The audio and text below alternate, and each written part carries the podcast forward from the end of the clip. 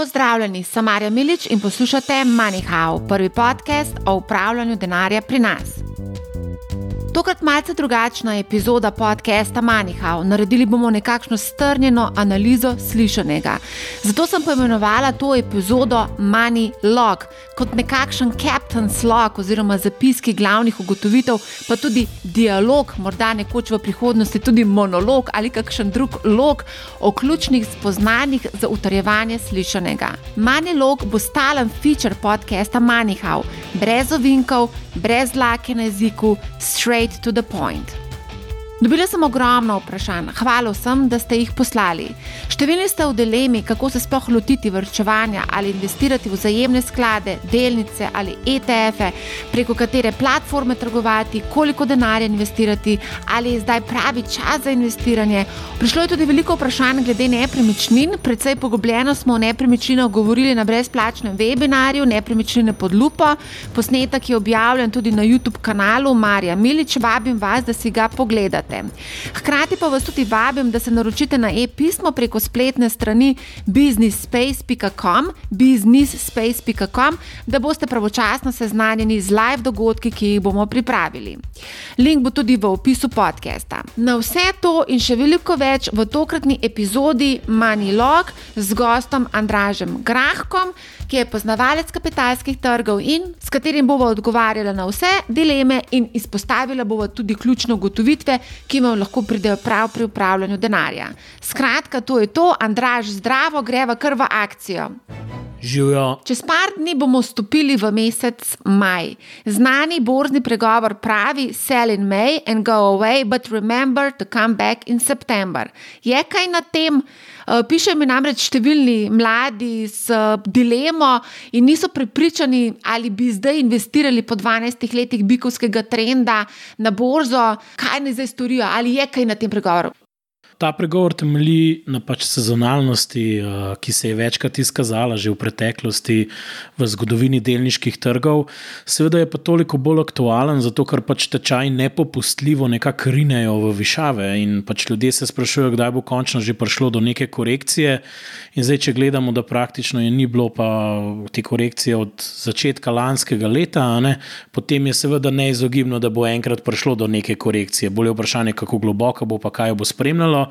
Tako da zdi se, da so letos te možnosti bolj naravnane na ta scenarij, da bi lahko skozi jesen, pa čez to poletje, mogoče prišlo do neke korekcije na trgih. Eh, zdaj, v kakšni obliki pa bo, pa je težko reči.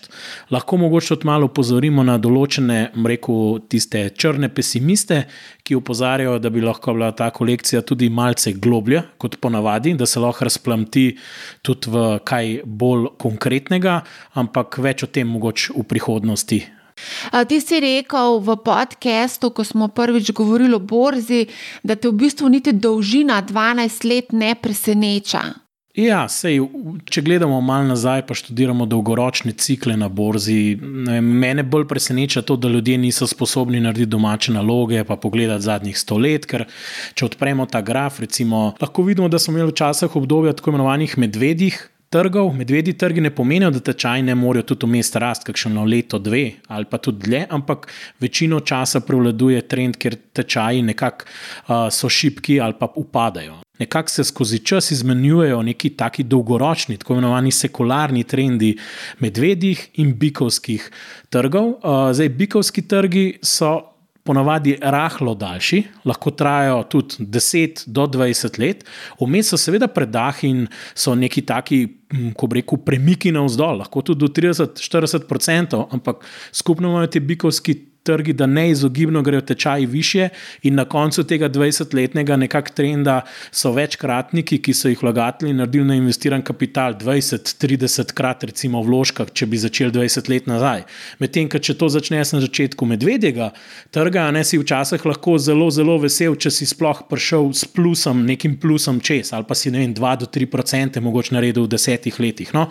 Klasičen, recimo zadnji sekularni medvedji trg za me je bil od začetka uh, v 20. 2000 letih, ki je počel IT balon, in potem smo praktično do konca finančne krize videli en res zelo naporen trg. Skozi je bilo samo navzdol, navzgor, pa tisti navzgor nikoli ni poravnal vse izgube. Tako da, če pogledate recimo ameriške delniške ali pa svetovne delniške indekse, pa tudi DAX, recimo v Evropi ali pa evropske delniške indekse, boste videli od 2000 praktično do tam nekje oktobra 2008, marec 2019, odvisno malo različni so bili te, je bilo to dno na različnih trgih, v bistvu je bil za me sekularni medvedji trg. Vmes se nam je pa vse živo dogajalo, pok IT balona, padec dvojčkov, jaz sem temu rekel desetletje strahov na nek način.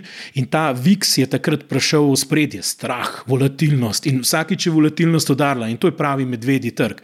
Medvedji trg ni, da gre deset let samo.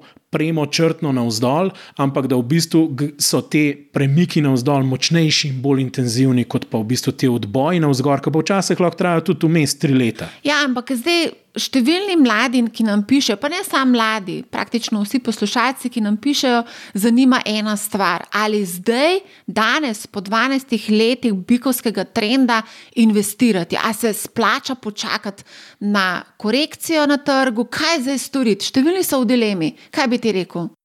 Ja, mislim, tisti, ki nekako verjamejo v to, da pač ma, bo tudi v prihodnosti investirali, imeli neko logiko, da bo imel neko vsebino, ne pa samo FOMO, da sky is the limit to the moon in gremo dalje. Tisti pravijo, da se v resnici je treba biti previdno in da bi se splačali počakati z večjimi investicijami. Zato, ker recimo taki praviloma izpostavljajo nekako osnovno matematiko pri investiranju in to je, više je vrednotenje danes, torej večkratnik plačujemo za dobiček ali pa bolj so delnice, bom tako rekel, bogato vrednotene, glede na druge oblike naložb, in to definitivno so, nižji bodo donosi v prihodnosti. In potem delajo razne regresijske enačbe in razne modele. In moram reči, da jaz to kar podrobno tudi spremljam, ker sem sam tudi zelo previden zadnje čase postal, ne, ker se mi vsem zdi, da nam je ogromno poklonjeno, kar se tiče donosov.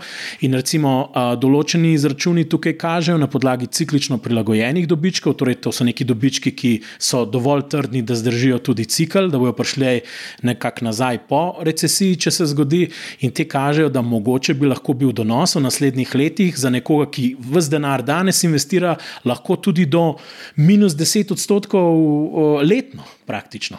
Ampak moram pa druga stvar reči, da te glasovi lahko rečemo, razuma ali pa medvedi ali pa pesimisti so zelo zaničevani v tem trenutku na trgu, nihče jih prav preveč resno ne jemlje.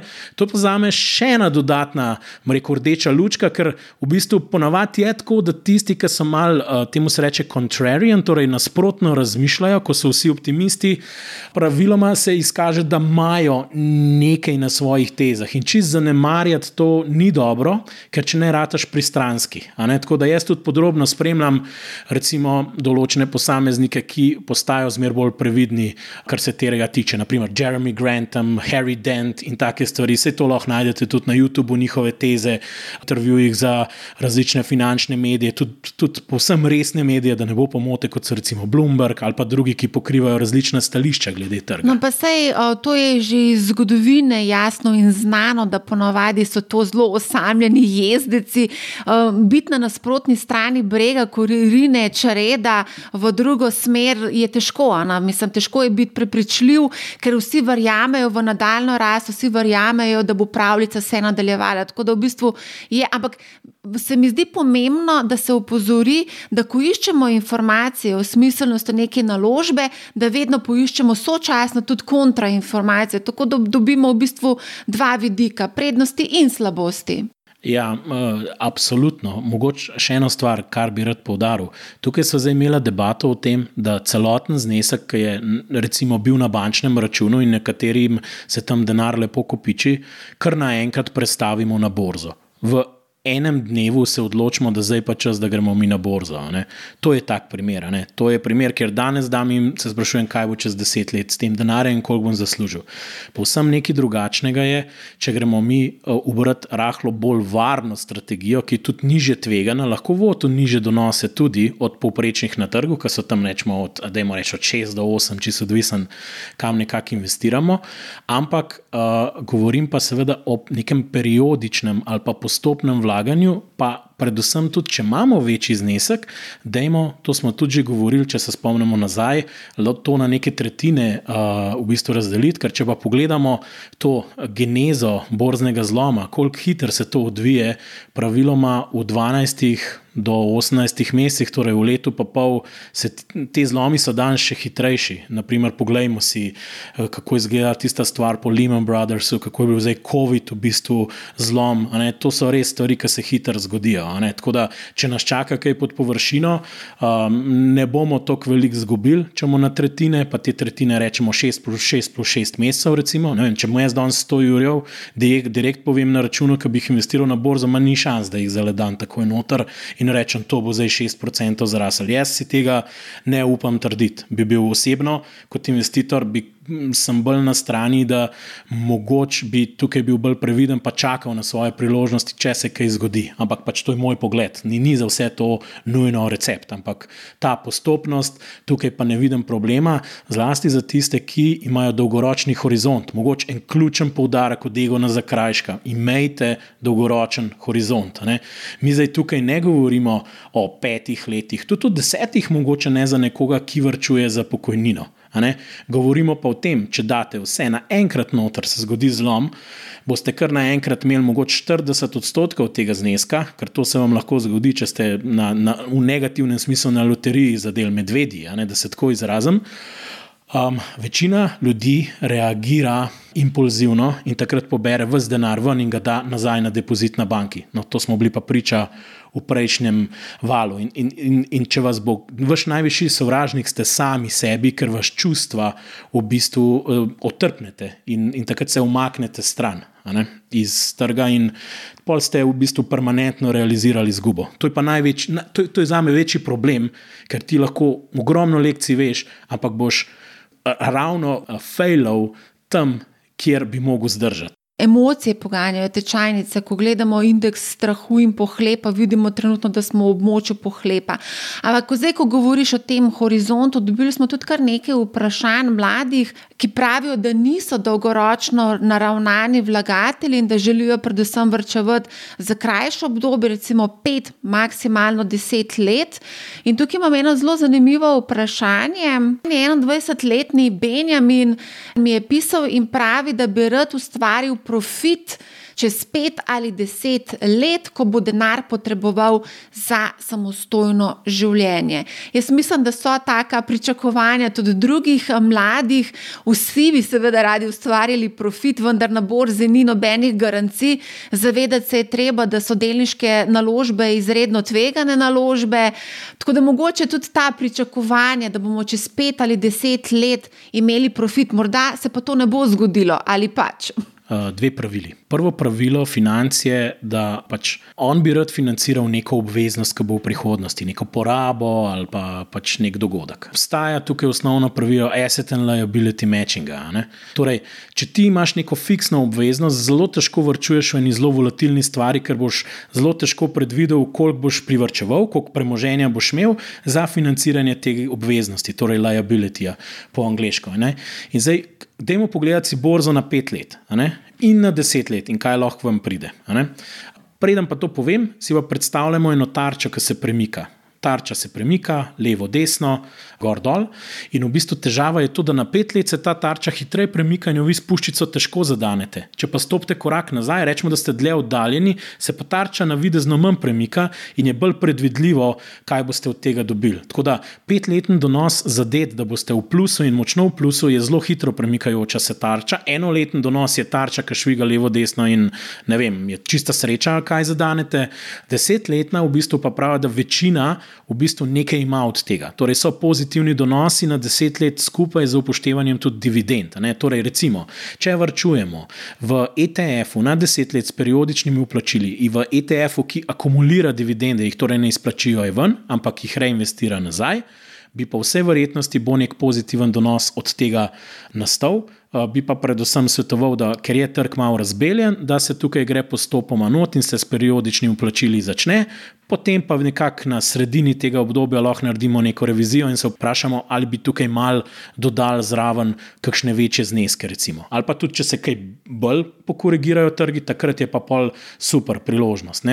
Zdaj, če pa trg skozi rastu, da imamo še ta scenarij prikrit, bo pa pač posledica ta, da bo pač ta donos rahlo nižji, ampak bo še zmeraj pozitiven in on bo svoj cilj izpolnil. Sam pač ne bo toliko zaslužil kot njegov kolega in nav največji car, ne vem, zdaj na terasi ali kje že, v bistvu imamo spet pijačo drugače kot novo.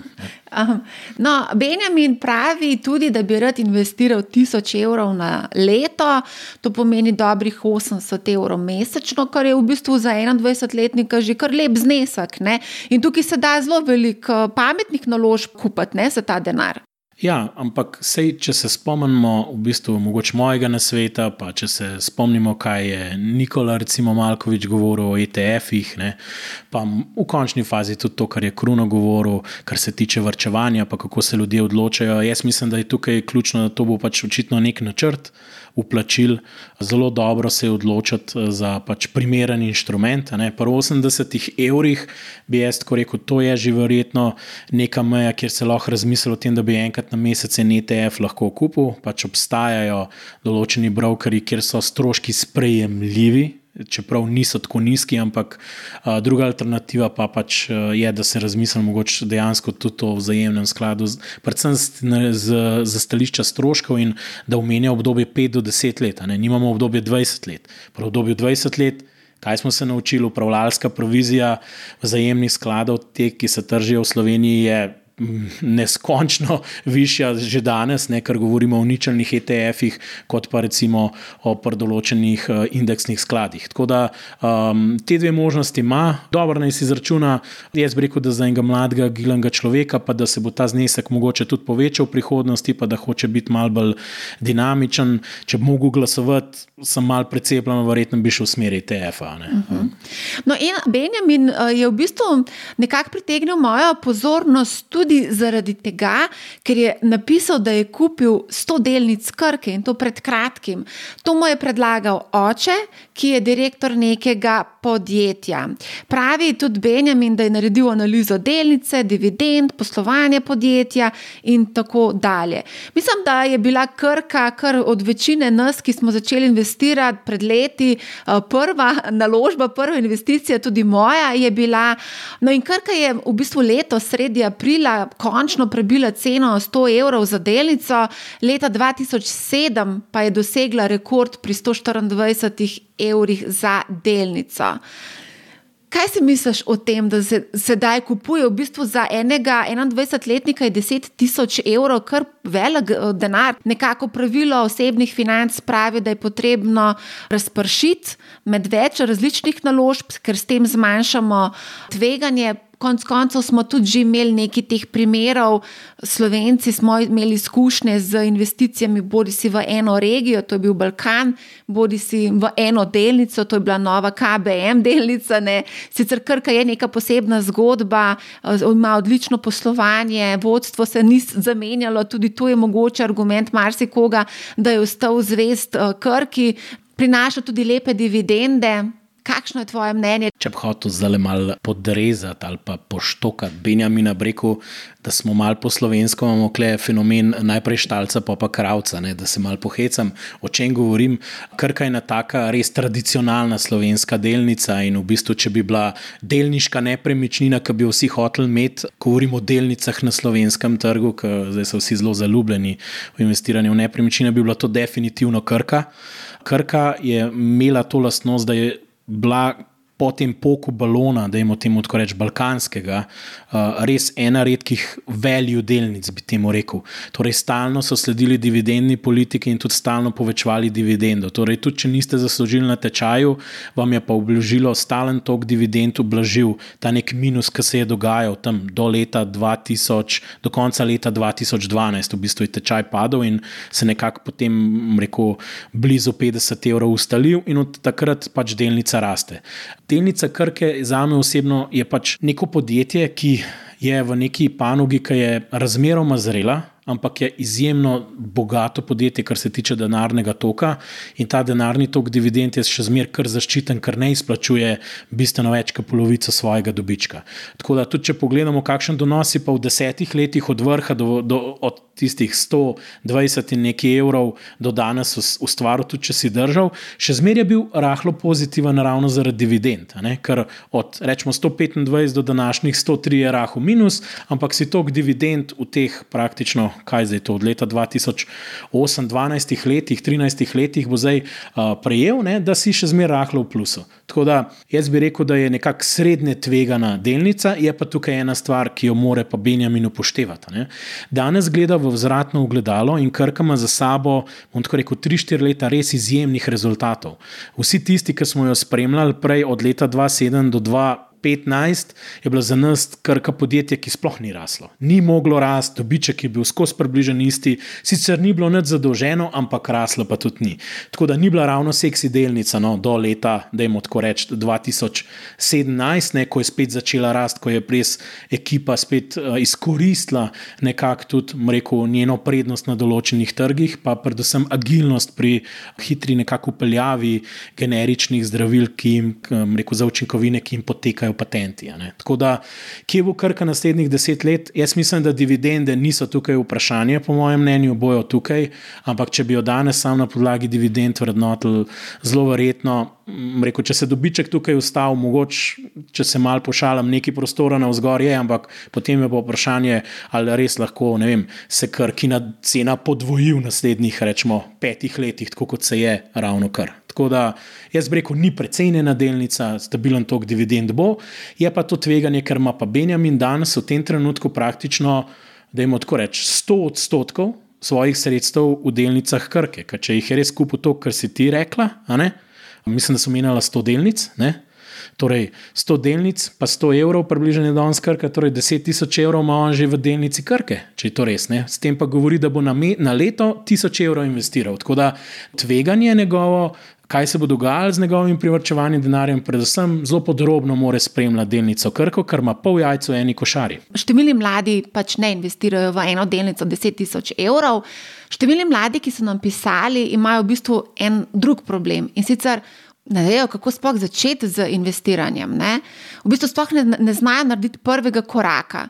Kaj zdaj priporočati takim, ki so v tej dilemi? Vedo, zavedajo se, da je smiselno investiranje, slišijo od prijateljev, znancev, kako so ustvarili lepe donose. Tukaj je verjetno po eni strani smo že omenjali FOMO, Fear of Missing Out, po drugi strani pa verjetno tudi ta peer pressure, no, pač vsi okrog investirajo, ne samo v delo delnice, delniške naložbe, ampak tudi v kripto. In marsikdo je zdaj tisti v dilemi, jaz pa zamudil ta vlak, kaj naj zdaj naredim, da hitro nadoknadam. Ja, plezati po tem hribu, spolskem hribu, je nekaj najbolj nevarnega, po mojem mnenju, ker lahko začneš predvsem na napačnem koncu. Vem, prijatelj je kupil delnico, kaj pa je sen Coinbase, zdaj ki je bila pač uvrščena na trg, zdaj bi pa tudi ti, ker je on, ne vem, pet odstotkov eh, se mu posrečal zaslužiti na papirju. Jaz mislim, da v bistvu za, za pameten in racionalen vstop je potreba najprej poskrbeti za osnove. Osnova sta samo dve možnosti v resnici danes in ni tako težko. Imate levo je avenija. ETF, desno je Avenija vzajemni sklad, pa pod Avenija desni zavoj, vrčevalni načrt. To je to. Bolj ali manj, nikle, zdaj veliko nekih mreko razmišljanj, zdaj pa kaj naredim, če zavijem levo na Avenijo ETF. Ja, kupam nek, izberem si en globalno razpršen ETF, pa ta manjši znesek, če je ta znesek recimo 100 evrov, so to že nekakšne stvari, ki se splačajo, a ne?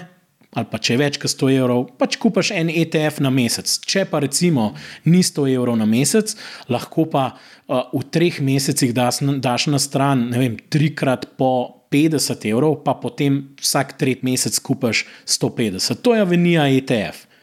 Imate seznam, manjhav, Nikola ga je pripravil. Nikle je velik, nek globalno razpršeni sklad se vzame, ki sledi MSCI World, recimo, in to je to.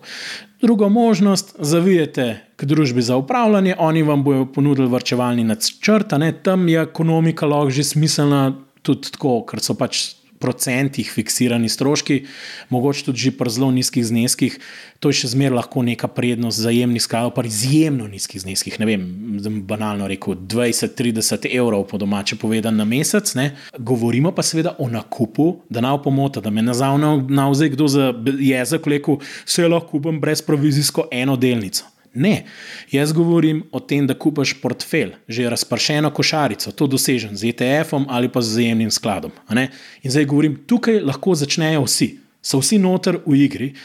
Periodično so začeli vrčevati, tudi če se zlom zgodi, lahko ali nadaljujejo mirno, se veste, keep calm and carry on je izraz iz Velike Britanije, nastal takrat, ko so Nemci bombe metali, da sam to, da na opomota. Torej, nadaljujte, tudi kadar padajo bombe, se bomo prilagodili. Ne? In takrat v bistvu ti vrčuješ naprej. Ko imaš pa več zneska in ko se mal poglobiš in ti je recimo neko podjetje všeč, naprimer Benjamin je pač ugotovil, da mu je všeč krka lahko pa mogoče še nekaj zraven date. Ne vem, dobite nek enkraten znesek, eh, kaj se jim za rojstni dan, ali pa ste dobili povišico v službi, ali pa ste ne vem, se vam nekaj poklopili, ne vem, ste avto prodali, kaj pa jaz vem kaj, ne, ali pa kaj drugega. No, to pa lahko pa potem razmišljate, kako. Tako da jaz mislim, da prej ali slej boste prstali na tem, da boste verjetno hoteli imeti tudi nek borzno-posredniški račun, nek, na nekem digitalnem brokerju, da boste lahko to stvar kupili. Uh, iskreno povedano, če razmišljate, da bi se majčkan igračkal, pol raj zavite na Avenijo ETF, pa kupite vem, za unih uh, 20 uh, dolarjev frakcije ali karkoli pa že, da, si, da vam poč pika, ali kako bi temu rekel, ni pa to nekaj, kar bi zdaj rekel, bi bi, bi nek pridigar čistosti, vrčevanja in racionalnosti priporočil, da jim kupite nekaj, kjer verjetno niti sami ne veste, kako firma posluje, čeprav vam je všeč produkt. Recimo. A greva zdaj kar malo bolj poglobljeno v vzajemne sklade pogledati. Ta podcast, ki smo ga posneli s Krunotom Abramovičem, je bil kar precej odmevan. Nekako so Krunotu učitelj, da se je poskušal izogniti prednosti ETF-ov, vendar menim, da je odlično predstavil glavne značilnosti vzajemnih skladov, kar je bil tudi point v bistvu tega podcasta. Omenil je tudi, da se številni odločajo za vlaganje v vzajemne sklade šele potem, ko gredo otroci od doma, torej pri 50-45 letih, in to je absolutno, absolutno prepozno. Kron je tudi večkrat podaril, da so ETF-ji vzajemni skladi. In tudi poudaril, da nikoli ne presežejo primerjalnega indeksa marsikdo se je tukaj kar utaknil v ta segment, se pravi, da ne presežejo primerjalnega indeksa. Iz preteklosti smo že videli, da kakšen indeks ETF v bistvu preseže tudi za kratek čas svoj primerjalni indeks, čeprav to ni primarna naloga ETF-ov, da presegajo primerjalni indeks. Zdaj, mogoče marsikdo, ki pride prvič v stik s to vsebino, niti sploh ne ve, kaj je primerjalni indeks, oziroma kaj je kriterijski indeks, oziroma benchmark, kot mu tudi rečemo. Da ti to, Andraš, ki znaš tako zelo lepo slikovito predstaviti te stvari, na najbolj slikovit način predstaviti, kaj je benchmark, tako da bo razumela tudi babica ali pa en petletni otrok. A to se mi zdaj izziv, da petletni otrok razume benchmark. Je, po mojem, se da to primerjati s kakšnimi olimpijskimi normami. To se mi zdi najbližja varianta. No pressure. Ne. Ampak lej, sej, v, v osnovi res ni tako zapleten. Zdaj, imamo delniški trg, rečemo ameriški delniški trg. Lahko si predstavljate sadovnjak, recimo različno sadje noter. Ne. In zdaj nastal je skozi čas problem, ker so ljudje investirali in so rekli, kaj pa je povprečje tega donosa na trgu, kako ga sploh v resnici merimo. In potem, oziroma, kakšen bo miks sadja in kaj iz tega lahko naredim, kakšna je moja sadna solata, kakšna je kvaliteta, kaj je povprečna kvaliteta sadja, v bistvu to, to so hoteli ljudje zmerno. In tarara, pojavijo se uh, neodvisni strokovnjaki, ki rečejo, no, zdaj bomo pa mi vsako leto v bistvu zmerali prirast tega sadja, torej rast tečajev delnic, ampak bomo to naredili tako, da bomo merili po bogatini letine na vsakem drevesu. To pomeni, če bo večja firma, bo imela večjo utež pri tem povprečju. Torej, tisti, ki ste se učili v matematiko, smo se učili, pa smo prišli tudi do tehtanega povprečja, ker ni enostavno, da ima vsaka številka enako utež, so vsa drevesa imajo enako število jabolk, če hočete, in če so to jab, jab, jabolčni sadovnjak. No, tukaj je tehtano poprečje z velikostjo dreves ne? in konkretno z velikostjo podjetij. In kaj so rekli, no super, zdaj imamo pa tukaj v bistvu neko mero, ki so jo zunani sodniki, te, to so bile te družbe, ki sestavljajo indekse, so različne pač podjetja, ki se s tem ukvarjajo, ne? Standard Poor's, MSCI, recimo borze izračunavajo svoje indekse in to je vse, kar pravijo, je, če bi vi kupili vse delnice na nekem segmentu trga, ponovadi so to velika podjetja, recimo Blue Chipi, potem bi bil vaš poprečen donos približno tak. Koliko delnic bi pa kupili? Ja, ker je Google mal večji, bi kupili mal več delnic Google, ker je pa ne vem, Amazon je tudi veliko, Apple je že največje, pa imamo pa še nekaj manjših podjetij, kakšen Gamer, Blizzard, recimo, ti bo pa manjša vtež. In ko to utežim, na koncu zračunam, koliko, mi, koliko je bilo prirasta, no, in to je benchmark, torej merimo poprečje na trgu. Zdaj pa kakšen je odnos upravljalca z benchmarkom. Odnos upravljalca je, da seveda pravi, da je on lahko tako pameten, da bo ta benchmark presegel. Zato, da to naredi, mora kaj narediti. Obtežiti bolj drevesa, ki bojo bolj obrodila, torej delnice, ki imajo večji potencial, in zmanjšati utež manj jabolk pobrati z drevesa, ki imajo manjši potencial, mogoče kakšna plesen gor so gnila vem, in take stvari. No? In upravljalci v resnici to delajo. Zato se doskrat pojavlja v praksi, ne vem, kaj gremo ta research, overweight, underweight naloži več na vago, naloži manj na vago, po domač povedano, da je dobro vago pri dobremu jabolku, da je slabo vago pri slabemu jabolku. Ne? Zato, ker samo tako bomo imeli kvalitetno surovino, bomo zdrava bio jabolka, ne vem, bomo vsi zdravi. Ne? Kako že eno jabolko na dan od žene zdravnika stran, da se mal pohecam. No? En dober stok pik na dan od žene underperformance stran, da se mal uh, uh, pozezam, kar se tiče pač upravljanja samih vzajemnih skladov. Torej, Torej, v bistvu ti hočeš izbrati zdrave delnice, ki jo rasle hitreje kot trg.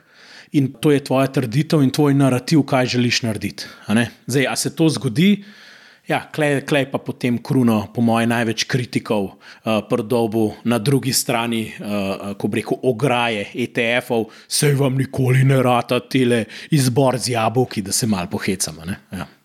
Ja, dobro, ti si bil upravljalec premoženja. Kako je pa te uspel premagati uh, primerjalni indeks?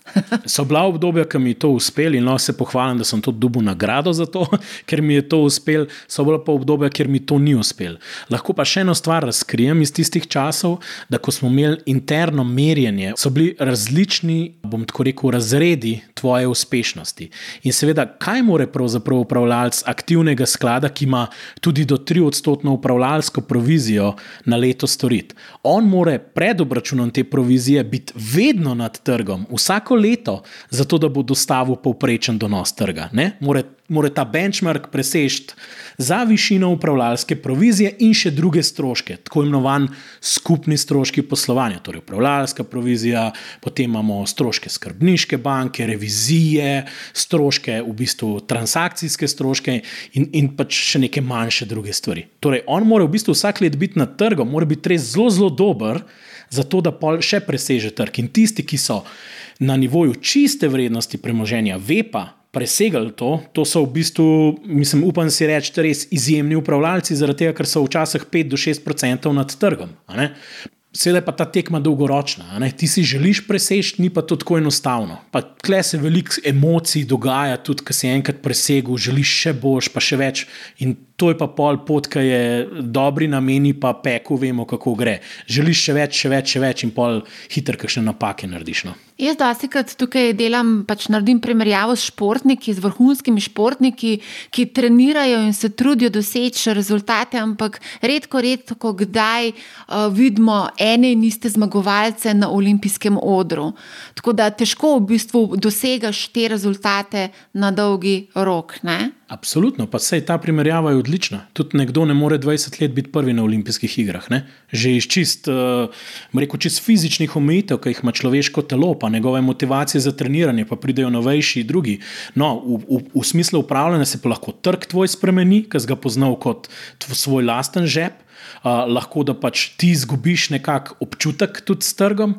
Lahko se na trgu strukturno dogajajo stvari, ker pač neke arbitražne priložnosti ne obstajajo več, trg rata bolj učinkovit in se neko okno, kjer si ti služil nek denar, zapre.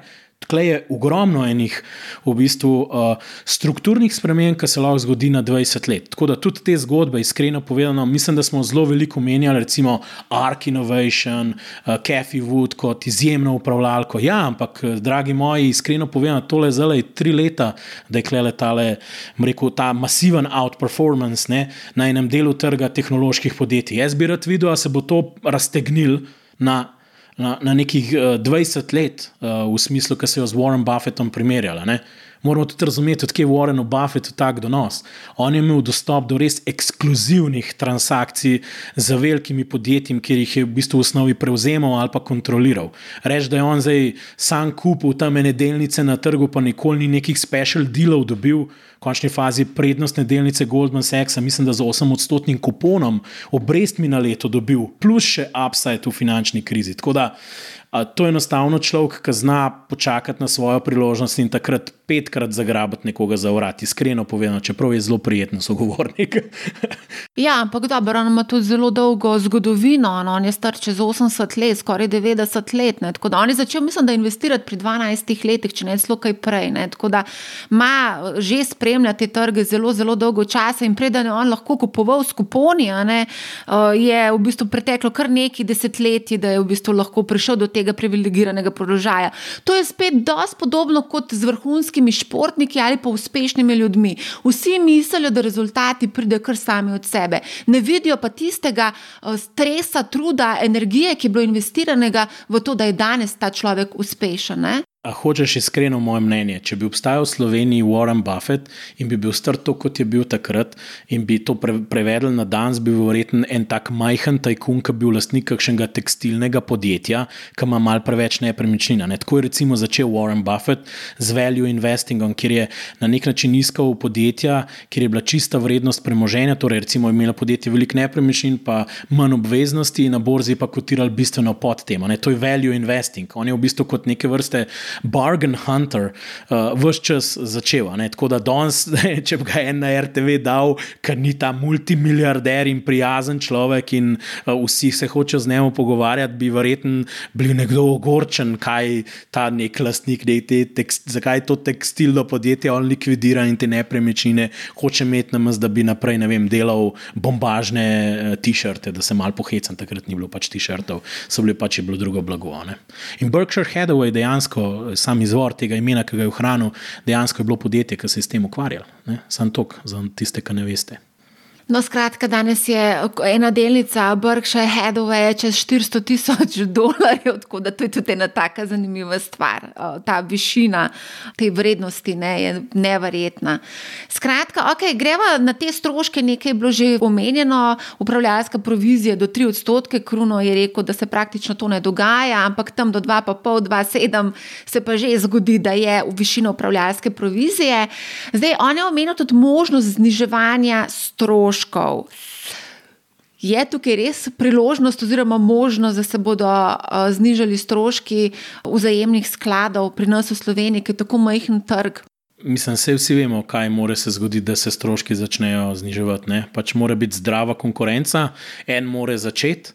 Če malo uporabim, mogoče podobo za bančništvo, potem ko je NLB, ki je imela državno pomoč kot banka, nekako se izvila iz tega jopiča državne pomoči, ne, eno leto kasneje je bistveno bolj agresivna pri posojilih. Naprimer, imajo akcije, ponujajo akcijske cene. No, mogoče se bo pa izvila kdaj iz, iz jopiča, tudi kar se tiče pač ponujanja mreko nižjih upravljalskih provizij. Tle se mečkam šalim, ne pa mal provociram. Ampak dejstvo je, da slovenski trg je majhen in dejansko mreko te ponudniki ne nekako ocenjujejo, da dokler ne bo nastala, po mojem mnenju, nek res katalizator za hitro zniževanje upravljalskih provizij, dokler bojo prilivi v sklade, ne se moramo se videti, pač prilivi so v sklade tudi pri takih upravljalskih provizijah. Torej, zakaj bi trgovina zniževala cene za nekaj, kar ljudje kupujejo in se polni trgovina? Sej, razlog bi bil lahko, da se bo polnila še hitreje. Zato bi pa morali vsi, ki vlagajo v zajemne sklade, biti občutljivi na višino upravljalske provizije. Pa iskreno povedano, moramo povedati, da so že med obstoječimi družbami za upravljanje izjemno velike razlike. To je moje mnenje. to je v bistvu dejansko stanje. Vse te podatki so javno objavljeni, se to ni neka skrivnost, se, se vidi, kdo ima izredno visoke uh, upravljalske provizije. Mo, mogoče samo to, da pojasnim, kaj pomeni za me izjemno velika razlika. Recimo pri delniš, globalno delniškem razpršenem skladu, če si malo ogledamo upravljalske provizije, pa zdaj ne bom o imenih govoril, ker lahko to vse sami naredite. Recimo se lahko pojavi razlika tudi do nič cela štiri odstotne točke na leto za globalno razpršen delniški sklad. Lahko se pojavi. Ampak ni cela 4 odstotke na leto, na 10 let, to pomeni 4 odstotke vrednosti pri čemer na koncu vprašanje, kakšen bo sploh donos v skladu, ki ima večjo upravljalsko provizijo in tistim, ki ima nižjo upravljalsko provizijo. Torej, so razlike, čeprav bi lahko rekli, da seveda v primerjavi z ETF-i so pa vse te provizije zgledajo zelo, zelo visoke, ker ETF-i imajo pa danes grejo pa proti točki nič, tako kot borzni posredniki s provizijami.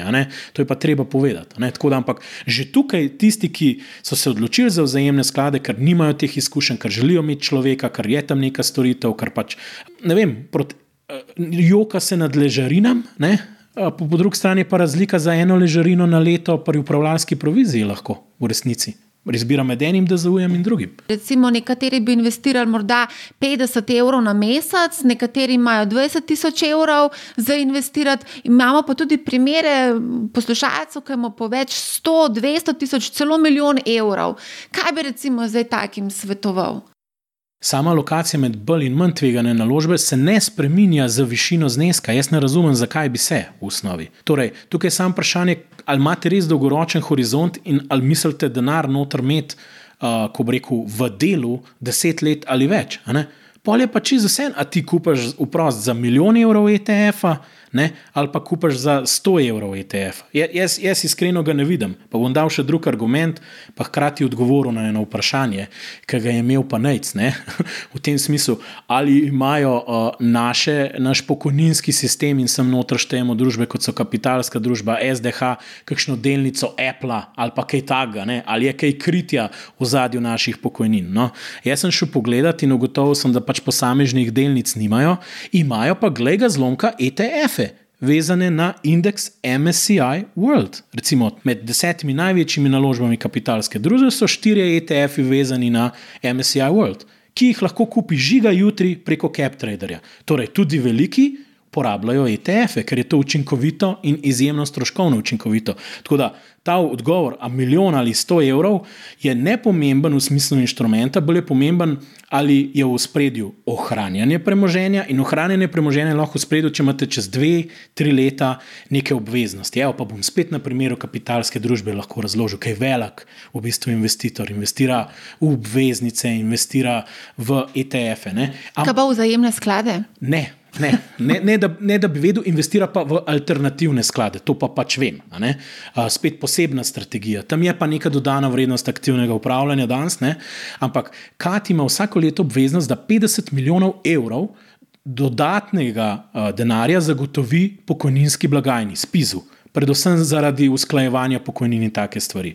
Zato sem prepričan, da ta znesek ne bo on dal v ETF in, in, in, in zdaj žrebal na loteriji uh, uprava, kada ali bo tam kaj zrastel, zato da bomo mi 50 milijonov več predelali, ki jih moramo konec leta nakazati kot naša obveznost. Recimo. Tam imajo pa manj tvegane naložbe, tam pa investirajo v nemške državne obveznice, pa slovenske obveznice. Torej, kaj je zgodba? Če imate neko obveznost, ki je blizu ne gamblat z delnicami, zato da če čez dve leti imeli več, ne gamblat z bitcoinom.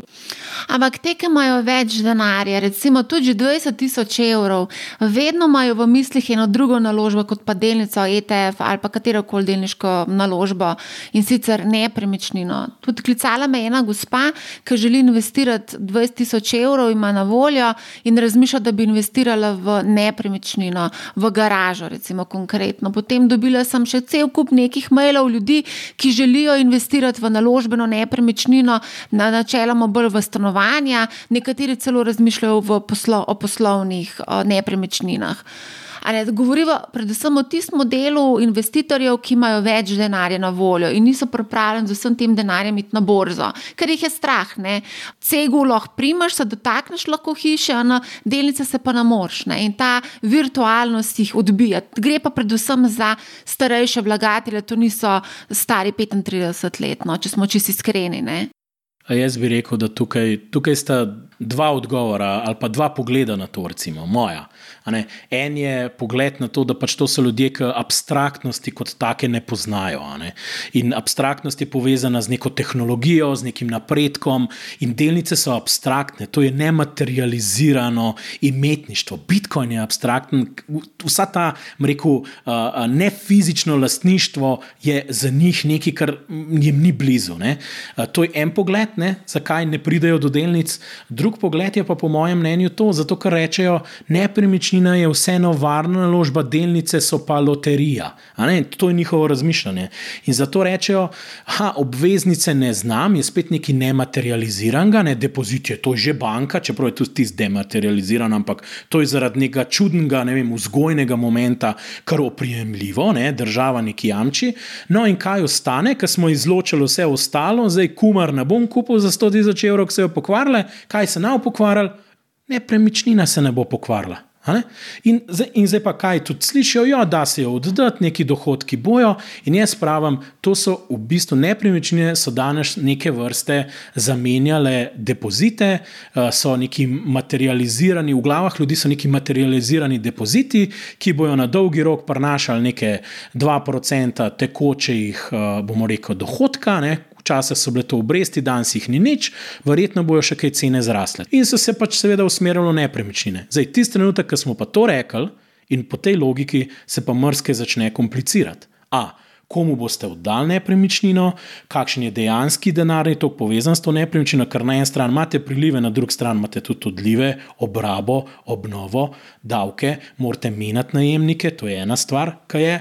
Če pa se lotite, tako kot gospa, neke garaže ali pa, ali pa poslovne nepremičnine, ne, kjer oddajate lokal ali kaj takega, ja, to so pa stvari, ki so lahko bistveno drugačne. Sej lahko se vam zgodi letos, ker je bila pandemija, se, so v bistvu bile različni načini. Ali vam, ali vam najemnik ni plačeval, ali je bil zakonjen način, kjer dejansko mu ni bilo potrebno plačati, ali pa se je to odložilo.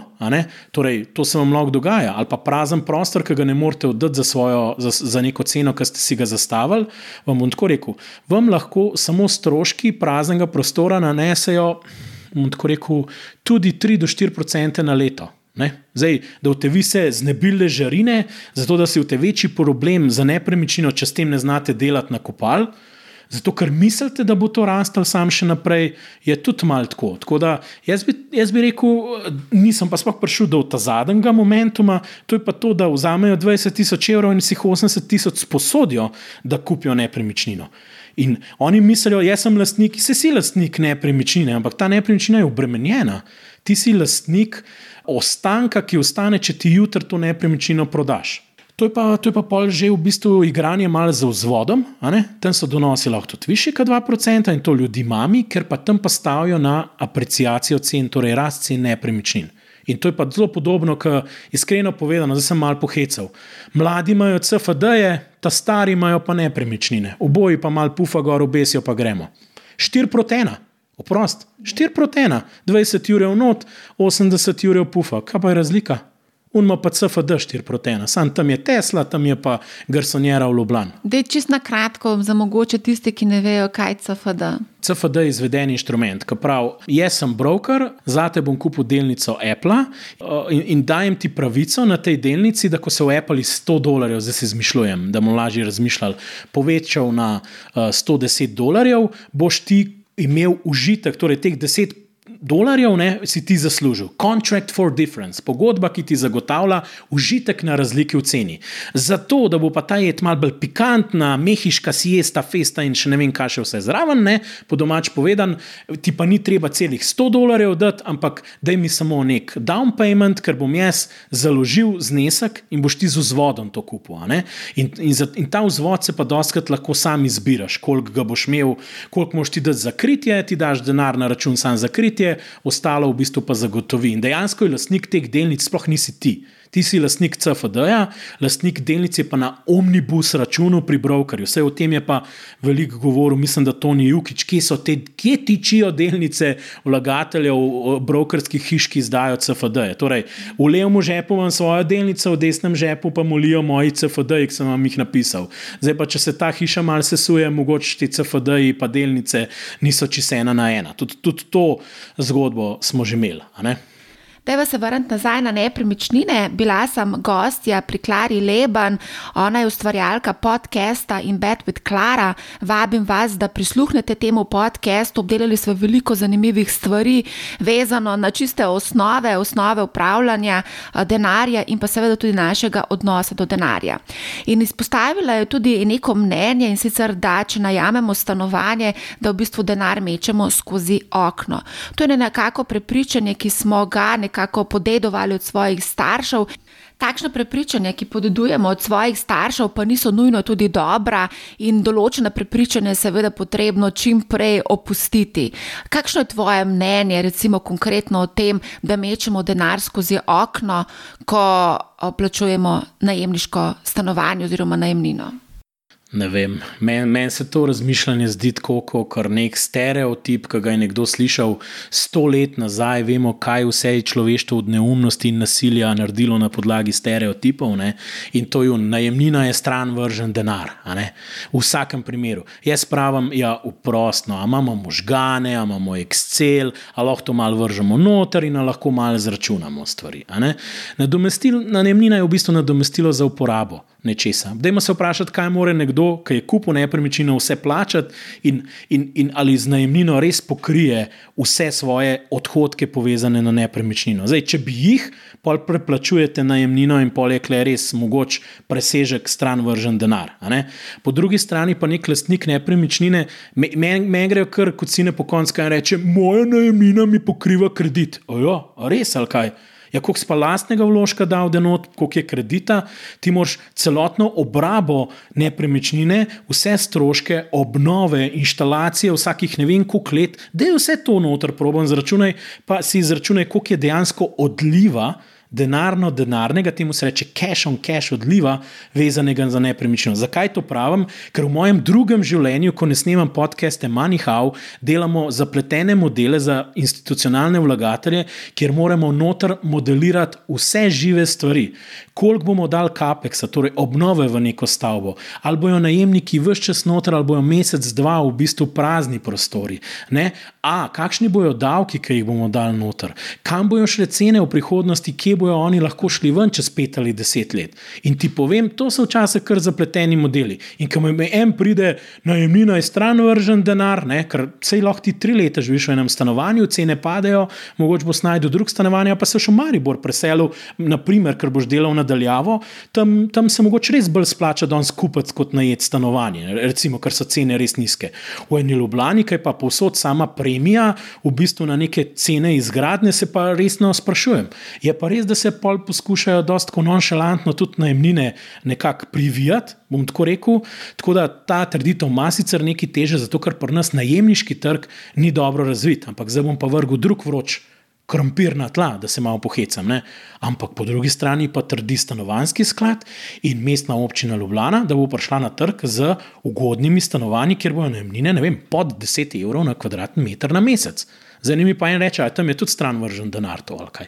Tako da treba je zračunati, ni vedno pravila. Jaz, jaz, ful, jaz, jaz izjemno sovražim pravila, ker je nekdo pameten, ki zna en stavek od sebe povedati in potem celo človeštvo in generacija to vzame in živi po tem motu. Ja, to so pač ta prepričanja, ki nekako grejo iz roda v rota. No, tudi to smo mi slišali od naših staršev, to ni nič taga in ne navadenga. Ne? Smo, ampak me prav zanima, kdo v socializmu je po tržni ceni oddajal komorkoli stanovanje. No, dej, dejmo si biti. No, dejmo tle že začeti, kdo je po tržni ceni celo kupu stanovanje, če že začnemo s sej, tem. Sej, s tem sem odprl zdaj Pandorino skrinjico in zdaj vsi ti se počutijo usposobljene, da mladim povejo, kaj je smiselno, pa kaj ne. ne? Tako da mi imamo izjemno visok delež lastništva nepremičnin in to je idealno, da vam danes en neki proda eh, za vsako ceno po 4500 evrov ali pa 5000 evrov, za bojo zdaj po ta novem že kmal novo gradne in vi ste zadolžili za celo vašo družino, prijatelji, ne vem kom, samo zato, da boste prišli čez. Potem samo pa še po foru forumih kregali, a so te eh, stanovanja dostopna za nekoga s povprečno plačo. Mislim, take stvari smo imeli, sej sama veš. Stanovanja so v bistvu kar precej zasoljena, čeprav marsikdo se s tem ne bi strinjal, ampak so 3000 eh, evrov na kvadratni meter, stane v poprečju v Ljubljani za rabljeno stanovanje, 4 do 5000 za novo gradnjo. Tudi okolica Ljubljane se je izrazito podražila, 2000 evrov v kamniku, se mi zdi, da je kar precej eh, visoka cena. Skratka, mladi imajo problem, kako prideti do stanovanja in to je njihova stiska. Poglejmo recimo primer Benjamin. On je rekel, da bo čez 5 do 10 let potreboval potreboval denar. Ne. Se pravi, nekako računa, da bo ostal uh, v svojem domu pri svojih starših tam do kaj, 35. leta, 31. leta. Ne, tako da je problem tudi to, vse kasnejše v bistvu odseljevanje od doma. Problem je tudi to, da mladi ne dobijo služb. Vse smo videli, kaj se dogaja s trgom dela, pa študentska dela so se skrčila za ne vem koliko procentov zaradi koronavirusa. Skratka, imajo resen problem. Ljudje, ki vstopajo na trg delovne sile z poprečnimi plačami, Tukaj te, te, te, te so pa zmlele cene, to sploh v Ljubljani. In zdaj odgovor večine je, ja se pa preselite v Maribor. tako tako nekako je, je tako. Le, le, tako kaj, kaj nam težite vi v našem raju neskončne apreciacije cen nepremičnin in, in tega super trga, kjer igramo veliki playerji, ki smo imeli že prej en stanovanje, pa smo ga mal prodali, pa pa mal zaslužili, pa mal dodali. Tako mal, mal je, tako, mal je arogantno, no? veliko, kar arogantni so ti odzivi se mi zdi, pa doskrat pride tudi nekoga, ki ima nek interes, ali je kaj povezan s kakšnim razvijalcem nepremičnin, ali je kaj vložil pa, pa, pa vsak, ki mal kaj kritičnega dodamo, gre že takoj na živce. Um, jaz predlagam, da pač, če niste pogledali si webinarja v živo, nepremičnino pod lupo, da si to pogledate, ta webinar posnetek na YouTube kanalu Marija Milič. Um, mislim, da je bilo več kot 50 vprašanj, tako da je zelo veliko zanimivih zadev za videti oziroma slišati. Zanimiva stvar, ki je v bistvu tudi Klara izpostavila, je to, kako v bistvu vrčevati, če živiš iz rok v usta. Ne? Jaz sem tukaj v bistvu svetovala, da prvi korak je ta, da najprej narediš analizo svoje porabe veš, kje so tisti, kje sploh trošiš svoj denar in da gotoviš, kaj so tvoji ti triggeri, ki te spravijo do tega, da ti odpreš denarnico in potrošiš. Ne? Recimo, zdi se mi zelo pomembno, da nekako vodiš to evidenco, vsaj nek, za nekaj časa, dokler ne spoznaš svoje pač te navade, nakupne navade. Imeli smo primer mladih najstnikov, ki so v bistvu redno spremljali svoj denar, čeprav vemo, da najstniki nimajo spet neke velike količine denarja. Mislim, da je bilo govora tukaj okrog 100 evrov na mesec. In je v bistvu Erasmus, to je bil 17-letni najstnik Erasmus, ki je v bistvu naredil ta eksperiment, je ugotovil, da veliko denarja zapravlja za stvari, za katere ni potrebno, za, pač ne bi bilo potrebno, da bi zapravil, recimo za kavice. Ne? In tako je v bistvu ugotovil in spoznal sebe, kako troši. To je v bistvu ta prvi korak, recimo, temu, da nekako spoznaš, kje so potencijalni tvoji prihranki. Kako pa je zdaj z vrčevanjem? Zdaj, vse kot smo rekli že na, na začetku, Benjamin ima 83 evrov na mesec, lahko vrčujemo že z 20 evri v, v, vrčevalnih načrtih. Ne. Klara je spraševala, ali lahko s 50 evri že začnemo vlagati. Jaz pravim, ja, dajmo vlagati že majhne zneske, iz malega zraste veliko. Absolutno. Še en uh, catchphrase, uh, podcast Egon Zakrajšek obrestno obrestni račun, ne, moč obrestno obrestnega računa. In kaj je zgodba? Zgodba, da anuiteta 10 evrov na mesec se prelije v res masovne številke čez 20-30 let. Ker gre tako, da zdaj smo vsi navadili se uh, tega rekel, eksponentnih rasti, ki so nam jih grozili, ki smo epidemijske krivulje gledali.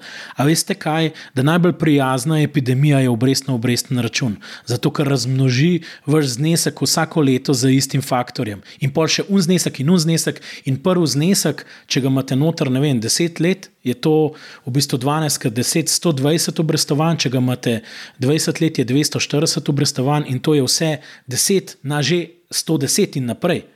Tako da dajte si vršiti v en kalkulator, evo, malo anekdote, pikantne podrobnosti, kaj vse smo počeli kot upravljalci. Ne, bo, ne boš verjela, bil sem v Ukrajini, kjer se sem predaval približno 2000 ljudem v enem takem velikem, ki je napihljiva eh, športna rekel, dvorana. Je bila, ne?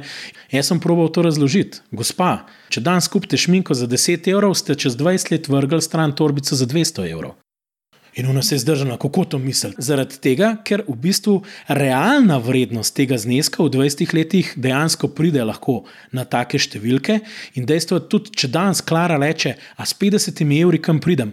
Ej, vse punce, Klara, ja, odgovor je ja, začnite danes, ki ste mladi. Če to počnete 40 let, bojo to take cifre vam prišle, da manj na red boste padli, vsi skupaj, ki boste videli, kaj se tukaj lahko zgodi.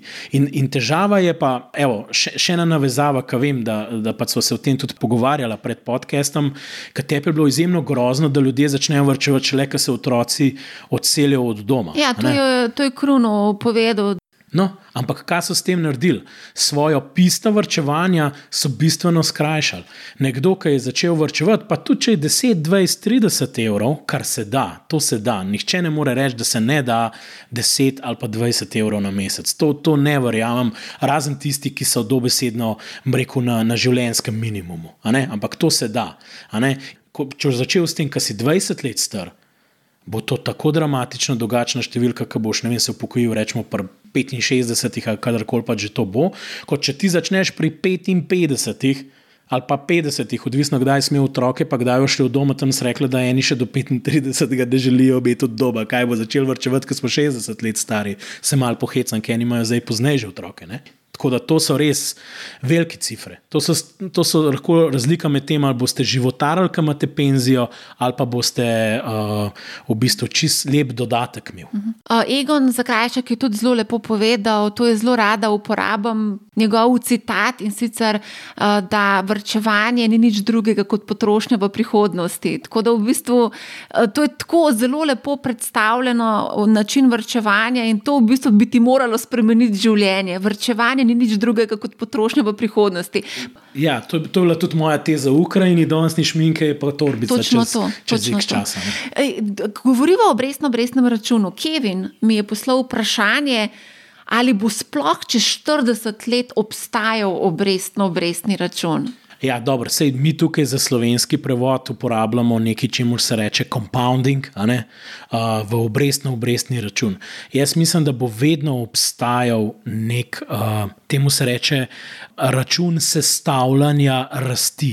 Ker compounding je v bistvu uh, neko lepljenje uh, zmesi. In tudi, kar rečeš ti banalno, imaš delnico, pa ti prenese 10%, in si na odnos 100, in je to 110, pa ti naslednji let na isti znesek spet 10. 10, je v bistvu to compounding, se temu reče. Ni to obrestno obrestni račun na delniškem trgu, ampak je to v bistvu donosno donosnostni račun, da se tako izrazim. Torej, tudi v okolju ničelnih obrestnih mer, da se malo pohecam, bomo pa v bistvu še bolj gledali na compounding. Koliko časa imamo noter svoj denar v tem strojčku za compounding, za plemenitenje premoženja. Zadnje mesece v bistvu nekako slovensko javnost pretresajo ležari ležarine, marsikaterega upokojenca je strah, ne samo ležarine, ampak tudi inflacije. Skratka, kakšno je tvoje mnenje o tem? Zakaj se ljudi? Zakaj so ljudje, naše babice, detki, zdaj totalno prestrašeni? Kar se tiče ležarin, seveda gre za zneske torej nad 100 tisoč evrov. Za, za tako visoke zneske te ljudje si lahko A, ali prvoščijo iti na več bank, to ne bi bilo nekaj najhujšega, to je ena možnost. Mogoče tudi uh, tam kaj vezati pri drugih bankah, recimo sam depozit sklend, tudi za kakšen daljši obdobje, pač ne bojo padli pol pod te ležarine. Druga stvar je pa tako, včeraj sem pogledal malo, kje države plačujejo recimo obresti, ki so večje od nič in za kakšno ročnost. In recimo, kad tako radi na Hrvaško hodimo, ne, imamo možnost, da če imamo 100 tisoč evrov, lahko pa kakšne obveznice Hrvaške države kupimo, ki nam bo pa plačala več kot nič, a ne konkretno. Ne? Tako da obstaja še neke naložbe, kjer se, če se želimo temu samo izogniti in pač držimo pol tisto naložbo, jih časa s tem, da to je samo en primer naložbe, teh naložb je še več. Predvsem bi svetoval, da se ne lotevajo stvari, ki niso v njihovem kompetenčnem krogu. Torej, če nič ne veste o vzajemnih skladih, zdaj zato, ker en prav, da pač dajte predstaviti denar tja, ga vi predstavite in niste nikoli vrčevali tam, jaz bi rekel, da to je zelo, zelo, zelo vprašljivo početje. Dajte poj raj postopoma. Druga stvar, govorili smo o nepremičninah, ki naj bi bili drugi nekak ciljna naložba, da se mal pohecam za te ljudi, ki imajo preveč denarja. Enaka stvar, kompetenčni krok je spet pomemben, pomemben je, da veste, kaj počnete, in tukaj pa pač težava, ker tudi tam ni vse tako premočrtno na vzgor. Tako da jaz bi se tukaj izognil tej histeriji, ki jo podžigajo razni svetovalci, v medijih se razpihujejo te stvari. Tako da so, so naložbe, ki prinašajo več kot minus nič cela pet, že to je in tovarne naložbe, ki prinašajo več kot minus nič cela pet. Tako rekel, nepremičnina, pa delnice, pa niso super varne naložbe, kot depozit. Veliko se je govorilo o inflaciji, kdo pa pravi, da bojo te ležarine tukaj neskončno vi boste zdaj investirali v sklad za 5-10 let ali pa v nepremičnino, čez 24 mesecev pa mogoče le režarin ne bo, ker bo ECB ocenila, da so pa rahli inflacijski pritiski, pa da je lahko mogoče to nam minus nič cela pet, ne vem, minus. Nič ena ali pa nič, in tudi odpravlja to. Tako da to bi tudi mogoče ljudem rekel, da ležarine so prišle čez noč in ne vem, zakaj se predpostavlja, da bojo do neskončnosti z nami kupujejo se pa naložbe, ki jih ljudje držijo 10, 20 ali pa 30 let, kot so delnice in zajemni skladi, kot pač nek izhod iz te krize ležarinske. Zdaj so se tako zaklepetala, pa nisva ta najbolj ključnih stvari še obdelala, ampak da je v hiter. Brokerji. Obdelali smo trgovalne platforme s Tonijem Jukičem, nekdanjim borznikom iz Saxo Bank, ki je v bistvu predstavil, kako delujejo platforme, ampak kljub temu so številni še vedno v dilemi, katerega brokerja izbrati. In tukaj smo angažirali analitika Mateja Šimnica iz Capital Genetics, da je pripravil primerjalno tabelo, to bom tudi objavila, povezava bo v opisu podke podcasta, da je vam dražno hitro opisati vsebino oziroma mogoče izpostaviti prednosti, slabosti posameznih brokerjev. Mogoče tukaj, dokler iščeš ta Excel, samo to povem, da Trading 212 uh, ne sprejema novih uh, vlagateljev. Tudi jaz sem se prijavila in sem še vedno v čakalni vrsti, tako kot marsikdo. Uh, sicer pa lahko povem, da imam jaz tri brokerje, Interactive Brokers, BKS in pa eToro, slednjim pa ne trgujem. Bolj iz raziskovalne namene sem ga odprla.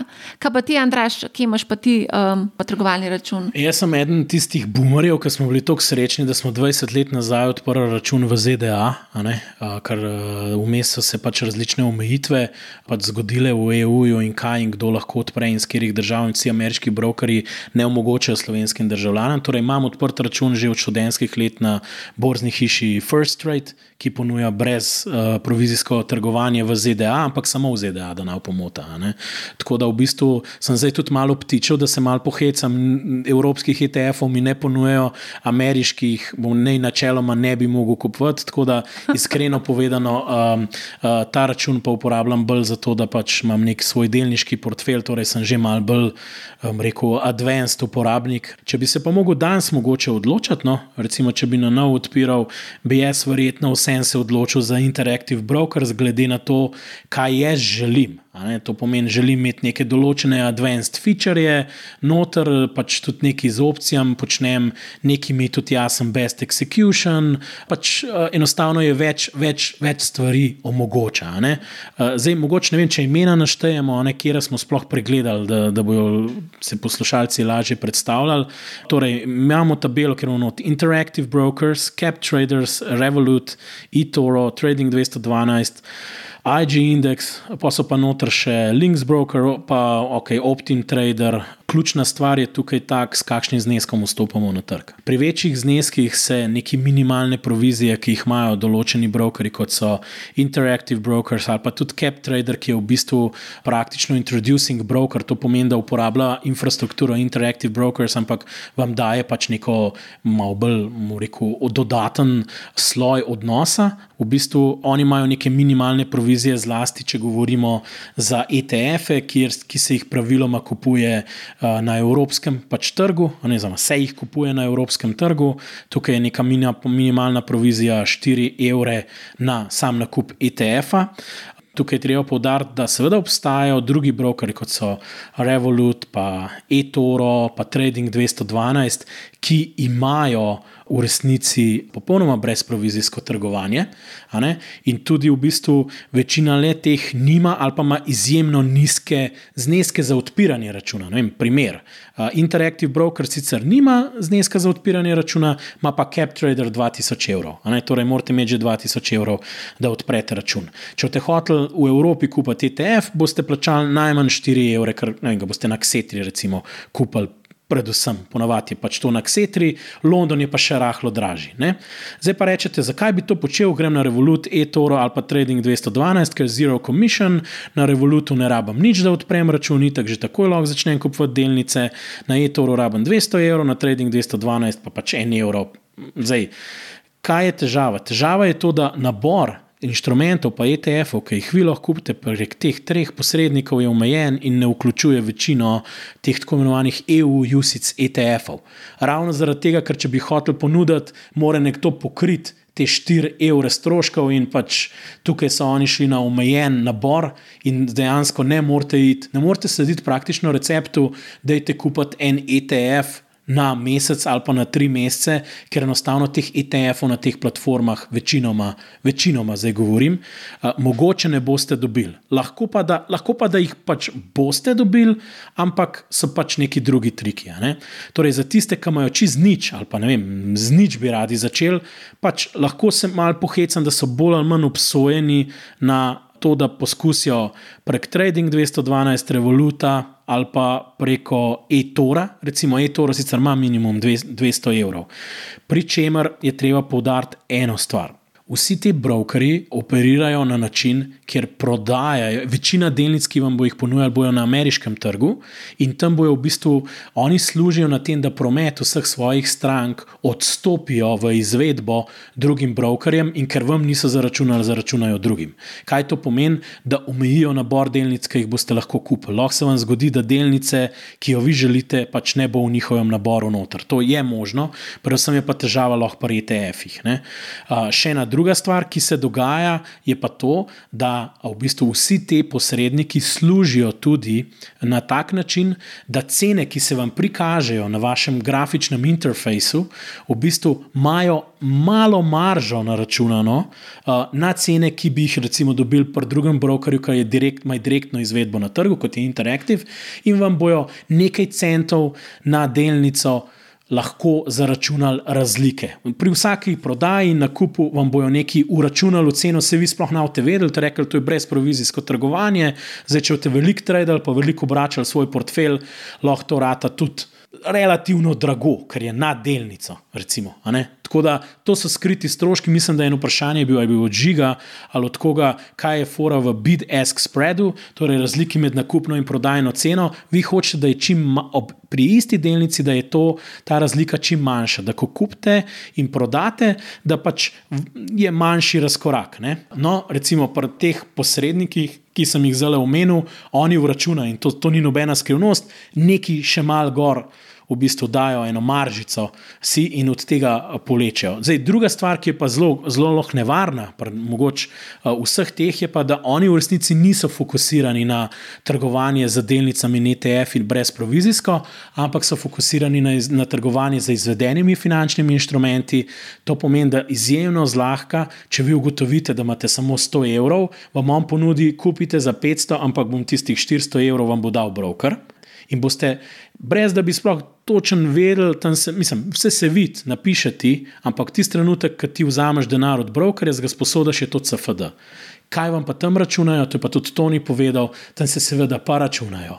Obresti, najsposojena stanja, pol, če pelete ta CFD čez vikende in ne vem kaj česti, ki neke overnight charges, pa ne vem kaj vse govoril. Torej, v bistvu tukaj si hitro lahko zgubite občutek, kaj vse vam sploh broker računa.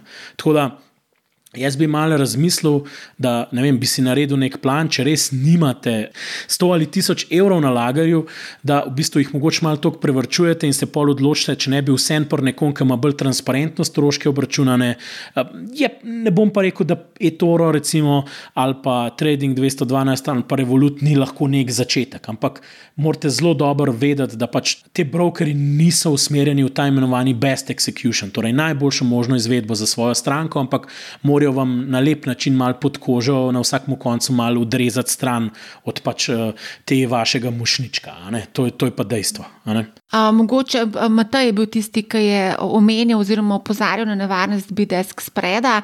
Žiga je pa želel vedeti o toku naročil oziroma order flow in kaj počnejo brokeri s tokom naročil. Zlasti ti brezprovizijski, kot so Trading 212, eToro, Revolut, Robin Hood v ZDA, pač Robin Hooda ni v EU, zato ga niti ne omenjam. Ampak vsi ti trije zberejo vsa naročila in potem jih dajo, v bistvu zapakirajo paket in pošljajo k brokerju, ki je market maker, torej on nekako izvršiti naročila. In zato, ker sem mu dostavil tok naročil, ker market maker pa spet mečkam zasluži posluš na breku izvedbi, v bistvu jim on plača. Torej, on plača za to, da ima stalen pritok, stal, da, da voda skozi teče na nek način.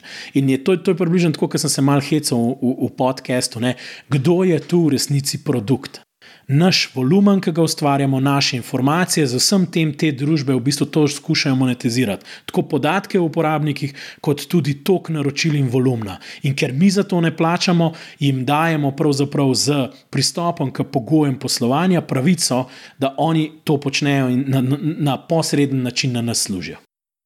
Okay, to bomo objavili tudi na spletu, to tabelo, tako da si bo vsak lahko tudi podrobneje pogledal. A greva zdaj še na ETF-e. Um, največje presenečenje je bilo zagotovo spoznanje, da prek slovenskih brokerjev lahko kupujemo vse te priljubljene ameriške ETF-e, katerih izdajatelji so dejansko v ZDA in nimajo tega famoznega KID-a, to je ta posebni dokument. O tem se je sicer potiho govorilo, nikoli seveda javno, zdaj smo tudi izvedeli, zakaj ne, ker imajo prepoved trženja. Te prednosti, recimo temu tako, to nam je sporočil regulator, torej Agencija za trg vrednostnih papirjev. Možno seveda je prodaja z podpisom dokumenta, ki se mu reče obratna solicitacija, kar pomeni, da vlagatelj spreme vsa tveganja vezana na določen produkt, ki ga kupuje. Čeprav je to v bistvu načeloma lahko zelo dobra novica ne, za slovenske vlagatelje, da imajo možnost vseeno kupovati ameriške ETF-e, katerih izdajatelji so v ZDA in so izredno priljubljeni med vlagatelji v ZDA. Ne? In ni potrebno biti profesionalni vlagatelj, pa je na drugi strani tudi slaba novica ta, da slovenski brokeri v sovo primerjavi s tujimi precej dražji. Ne? Zdaj, vsi, ki poslujejo v Sloveniji, morajo preko nek nekega posrednika v bistvu iti na trg, in hkrati, ker je njihov obseg poslovanja relativno majhen, seveda naj oni založili še za neke stroške skrbništva za svoje stranke in, in take stvari, ker jim tudi ne posojajo denar in nimajo celovitega, rekel, nekih vzvodov. Ne?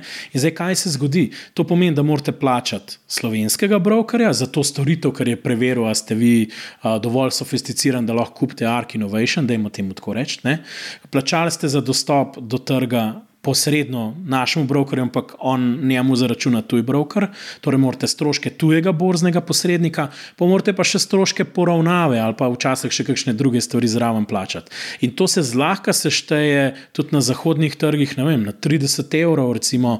In zdaj pa kaj to pomeni? Če, že to, če že to poslujete prek takega borznega posrednika, je to primerno za vlagatelje, ki ima ustrezno visoke zneske, zato da se ta odstotek, koliko znaša ta strošek nakupa, spusti mogoče na ne vem, nič cela nekaj odstotka in mogoče to sprejemljivo. Zato, da te pa 100 evrov Arkino veš nakupil prek slovenskega brokera in bo on zaračunal 35 evrov, pa ne vem, more pa kaj ti hudičev dobro še pet let delati, da se vam bo ta igra išla, ali pa te vsakič 35% denarja pustili v, v verigi borznih posrednikov. Tudi na evropskih tleh najdemo čist primerljive oziroma podobne ETF-e, eh, katerih so tudi v bistvu ameriški izdajatelji, ampak imajo dovoljenje KIT oziroma eh, so primerni za prodajo na evropskih tleh. Eh, in Nikola Malkovič nam je v bistvu tudi pripravil seznam vseh teh ETF-ov, povezavo bom še enkrat objavila.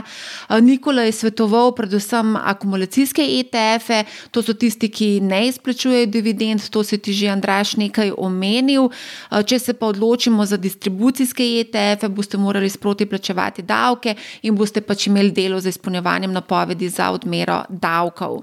Mogoče sem še to, vas spomnim, da veliko koristnih informacij najdete na spletni strani Just ETF. No, zdaj pa reva še na vprašanja.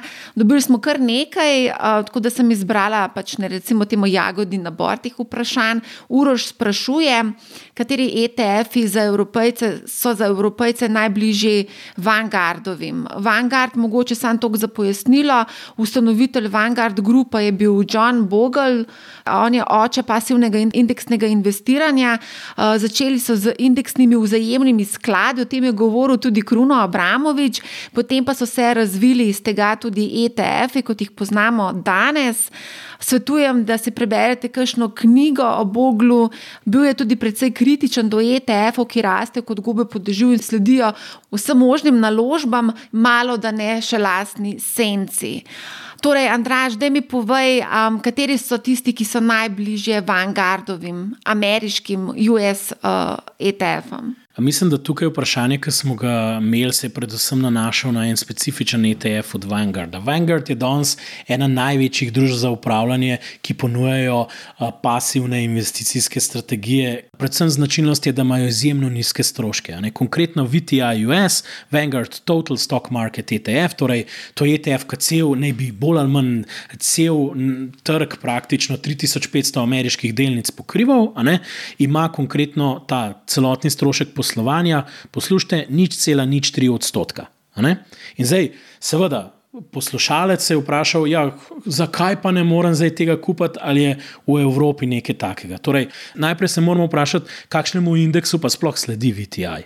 VTI sledi indeksu, ki ga Chicago Buff, to je pač v bistvu neki inštitut univerze, čikaške, ponuja CRSP, Total Market market index in je nekaj podobnega kot uh, nek drug. Demo tako reči, če imamo SP 500, ima 500 največjih podjetij, tam pa 3500 največjih podjetij. In zdaj vprašanje je, seveda, ali imamo v Evropi kakšen podoben ETF. Zdaj, nimamo ETF-a, ki bi sledil prav temu indeksu. Sem, kaj je pa razlika med, med 500 največjih in 3500? Iskreno povedano, pogledal sem donose v desetih letih, mišja dlaka je razlika. Včasih je v njih 3500 delnic za nič cela neki več donosa ustvarjali, včasih je pa glih 500 največjih delnic mal več ustvarjali. Torej, da vtekle masovno izgubili ali pa pridobili nekaj, kar imate neki na SP 500 ali pa na, na CRSP, uh, Total Market. Ne, zdaj pa sem rekel, ok, ampak dajmo vse najdete ETF. Uh, imamo indeks MSCI USA, ki je širši od SP 500. 500. In recimo, sem rekel, ali imamo v Evropi ETF, ki je zelo, zelo poceni in sledi MSCI USA. In tudi pogledati sem šel, koliko se je res razlikoval donos tega VTI US in tega evropskega ETF-a. No, in glej ga zlomka, Uh, ravno s pomočjo Bloomberga, pa, pa Just ETF je tudi čist dovolj, boste tudi tam najdel, če boste sami iskali. Izberete indeks MSCI USA. Najcenejši, kar se tiče upravljanja, je ETF družbe Invesco, ki sledi MSCI USA. Kotira v Londonu in na Ksetri. In v bistvu, tudi kar se tega tiče, vam lahko povem, že kar je v živo tikar, mal daljši je SMSUSA. GR je pa Nemčija. Bomo to mogoče tudi naknadno objavili, ampak pogledal sem donose in ni bistvene razlike. In uh, sam strošek, uh, total expense ratio je bil pa ni cela nič pet. Tako da govorimo o drugi decimalki. Ko, ko so prej govorili o upravljalskih provizijah, ali bo dva, ali dva, pa pol, ali dva, sedem, ne klepa se kregamo, ali lahko dobimo na nas, uh, ne vem, nič cela nič pet, nič cela nič tri Mislim, da smo že zdavnaj v golu noter žogo, no, da se mal pohecam. No, zdaj, ko govoriš o tako nizkih, nizkih stroških, pa da je omenil še mogoče to novost in sicer, da bomo tudi v Evropi dobili ETF-e z nič procentnim terom oziroma celotnimi stroški poslovanja. To govoriš konkretno o ETF-u na zlato, če se. Če se ja, to, kar je žiga spraševal. Ja, da pač obstaja. No, seveda je trik v podrobnostih. Jaz sem šel tudi pogledat, malo po forumih, malo tudi samega emitenta in izkazalo se je, da sicer res, da ne ne, ne, ne zaračunavajo upravljalske provizije, ampak se ločeno zaračunava. Tistim, ki držijo za stranke ta ETF na zlato, dodatna v bistvu temu se reče nadomestilo za imetništvo tega ETF-a. In temu se reče above the line, below the line. Sicer je nič upravljanje, ampak uh, so pa stroški za tako imenovano skladiščenje teh delnic, da se malo pohecam, ki se pa zaračunajo, ker jih pa v bistvu zaračuna borza brokerjem in kad ti to držiš na ksetri, oni prevalijo to na tebe in pol je to 0,36. Evo, tako. Obnovil sem tudi, uh, hvala žiga, moje znanje nemščine pri tem. Okay, da, skratka, umenjala smo žigata, pa nejca in še nekatere druge. Uh, so to naši zvesti poslušalci, s katerimi debatiramo tudi na našem Discord kanalu Manihau. Bom dala tudi povezavo, če želite se vključiti v našo debato, ste seveda vsi zelo, zelo dobrodošli. Mogoče samo še eno stvar, ker ne želim ostati žigu dolžen. On je tudi omenjal ETF-e od Bank of New York Mellon, ki naj bi imeli ničelni uh, celotni strošek poslovanja. Uh, in se je sprašal, kako je to možno. Mislim, je razlika med nič cela nič pet in nič res, moram reči, ni tako velika, ne? ampak vseeno je nič. To pa zaradi tega, ker sem se študiral poslovni model in lahko povem dve stvari. A, da Bank of New York Mellon, seveda ETF-ji služijo tudi na posojanju delnic uh, hedge fundom in tistim, ki jih šortajo, torej služijo obresti na tem.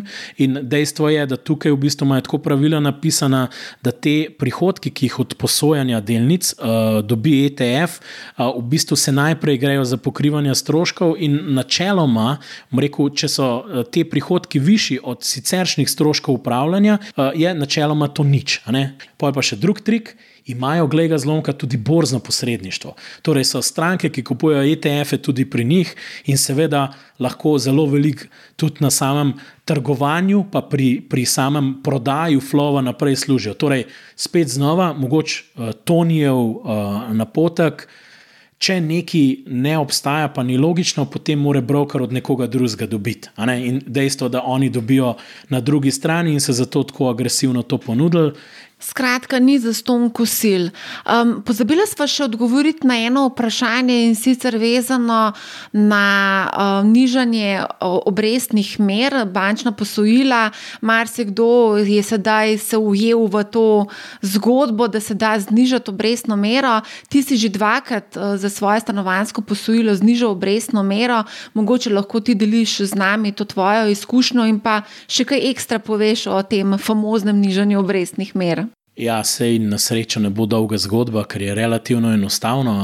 Pač najel sem uh, posojilo za nakup svojega prvega stanovanja. Ob prvi zaposlitvi, takrat sem prihajal z fakultete, in na začetku je bilo seveda to posojilo vezano na Euribor z relativno visokim pribitkom, mislim, da sem v 2,7 ali nekaj takega v tistih časih, pa lepo prosim, Euribor je takrat bil 4-5%. Huda obrestna mera, kje je zdaj to danes, kaj se vsi pritožujete, da se mal pohecam. No?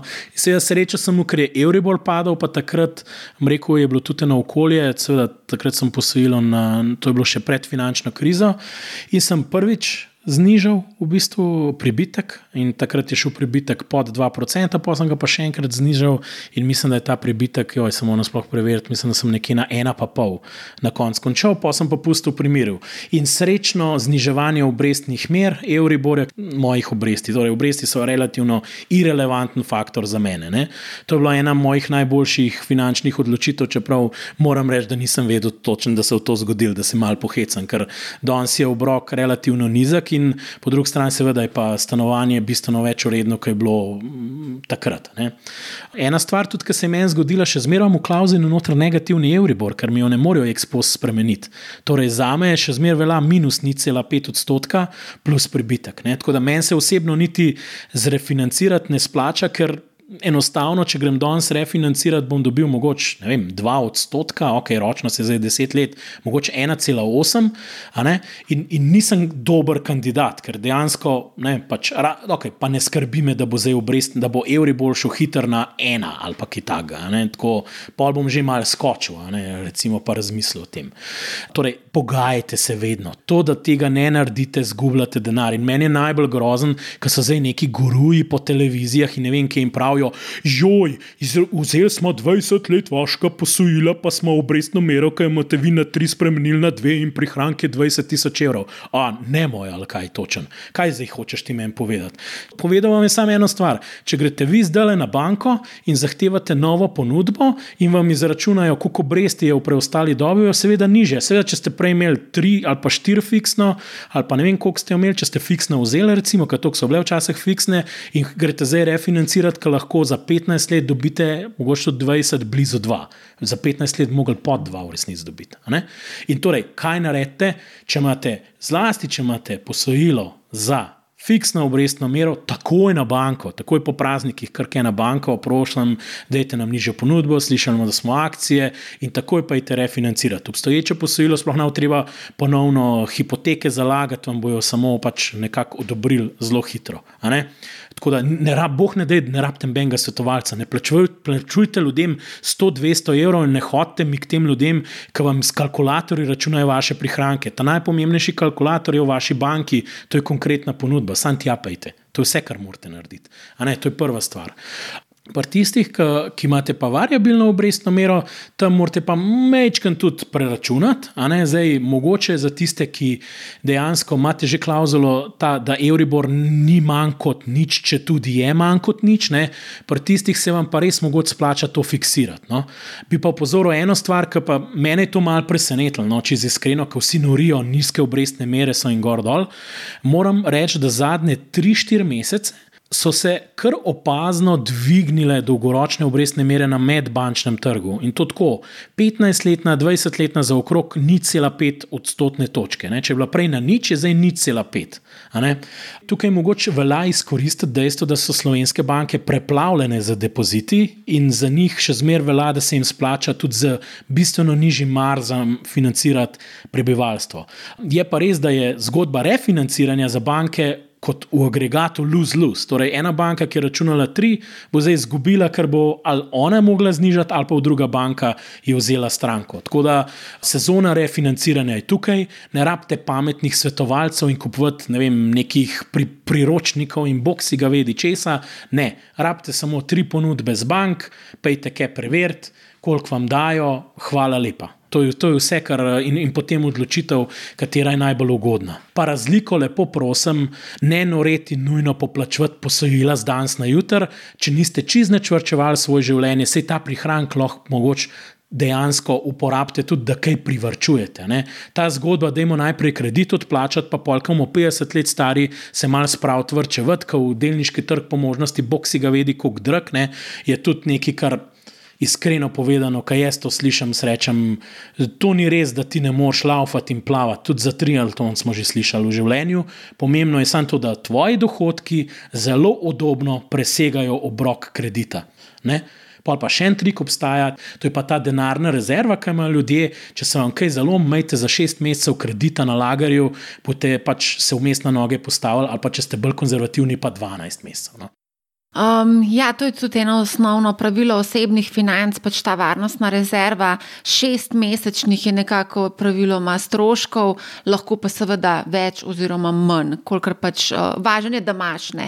Jaz sem tudi, recimo, Klari, s katero smo se pogovarjali v podkastu in Bad with Clara, sem v bistvu tudi svetovala oziroma povedala, da praviloma se začne ta varnostna rezerva graditi že v ran, rani mladosti, v najstniških letih.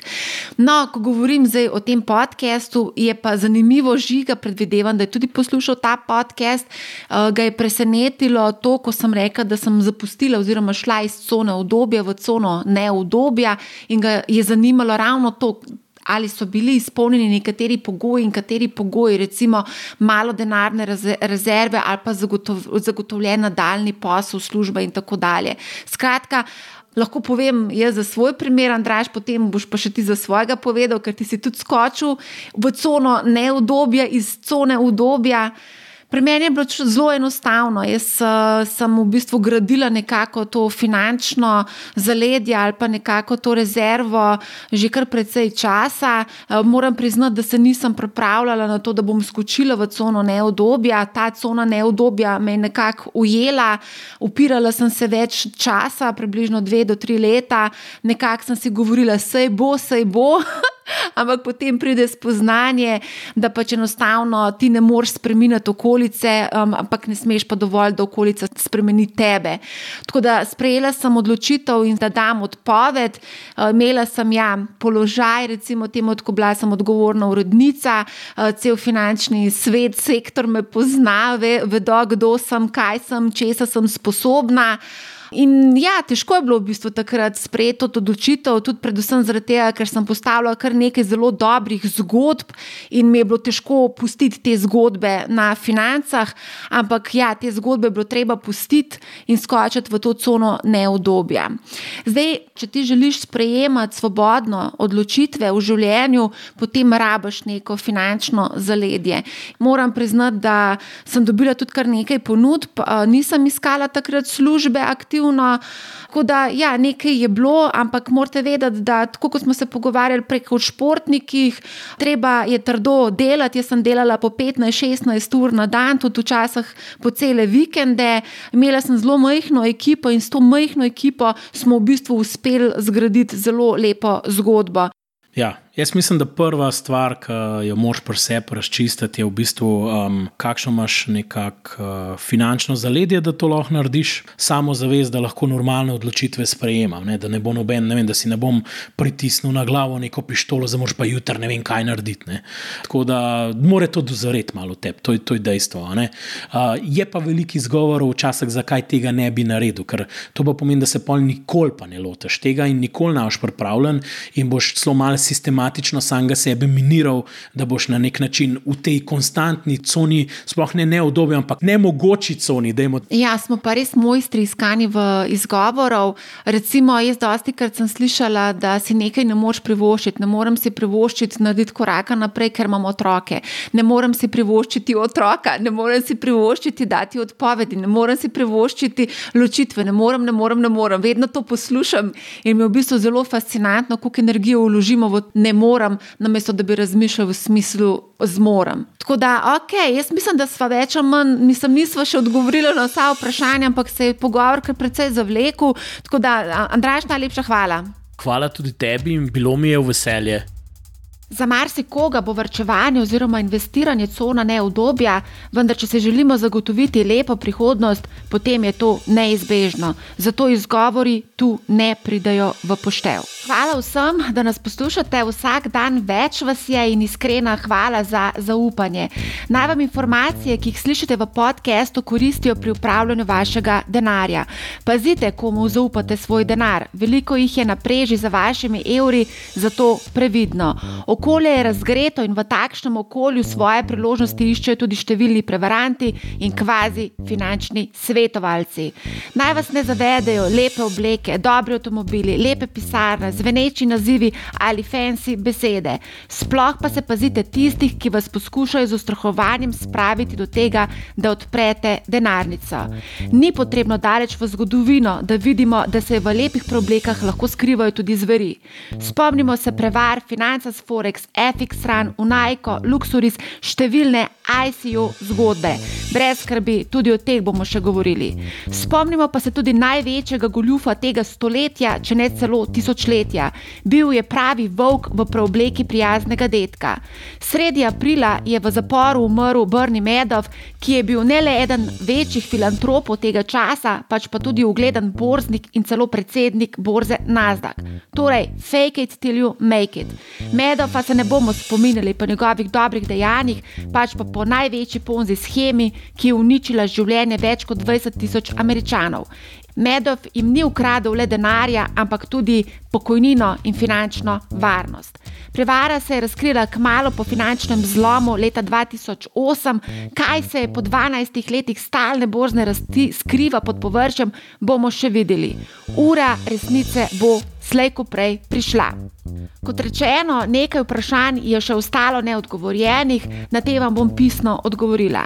V tem podkastu Money Log smo utrjevali slišano iz prejšnjih podkastov, omenjali smo Krunota Abramoviča, ki je predstavil vzajemne sklade, Tonija Jukiča, ki je pojasnil, kako delujejo trgovalne platforme, Nikola Malkovič, ki nam je predstavil ETF-e in pripravil tudi seznam ETF-ov, Egon Zakrajšek, centralni bankir iz ameriške centralne banke banke, nam je predstavil, kako deluje ekonomija in bančni sistem, z Andražem Grahkom pa sem pripravila uvodni borzni podcast.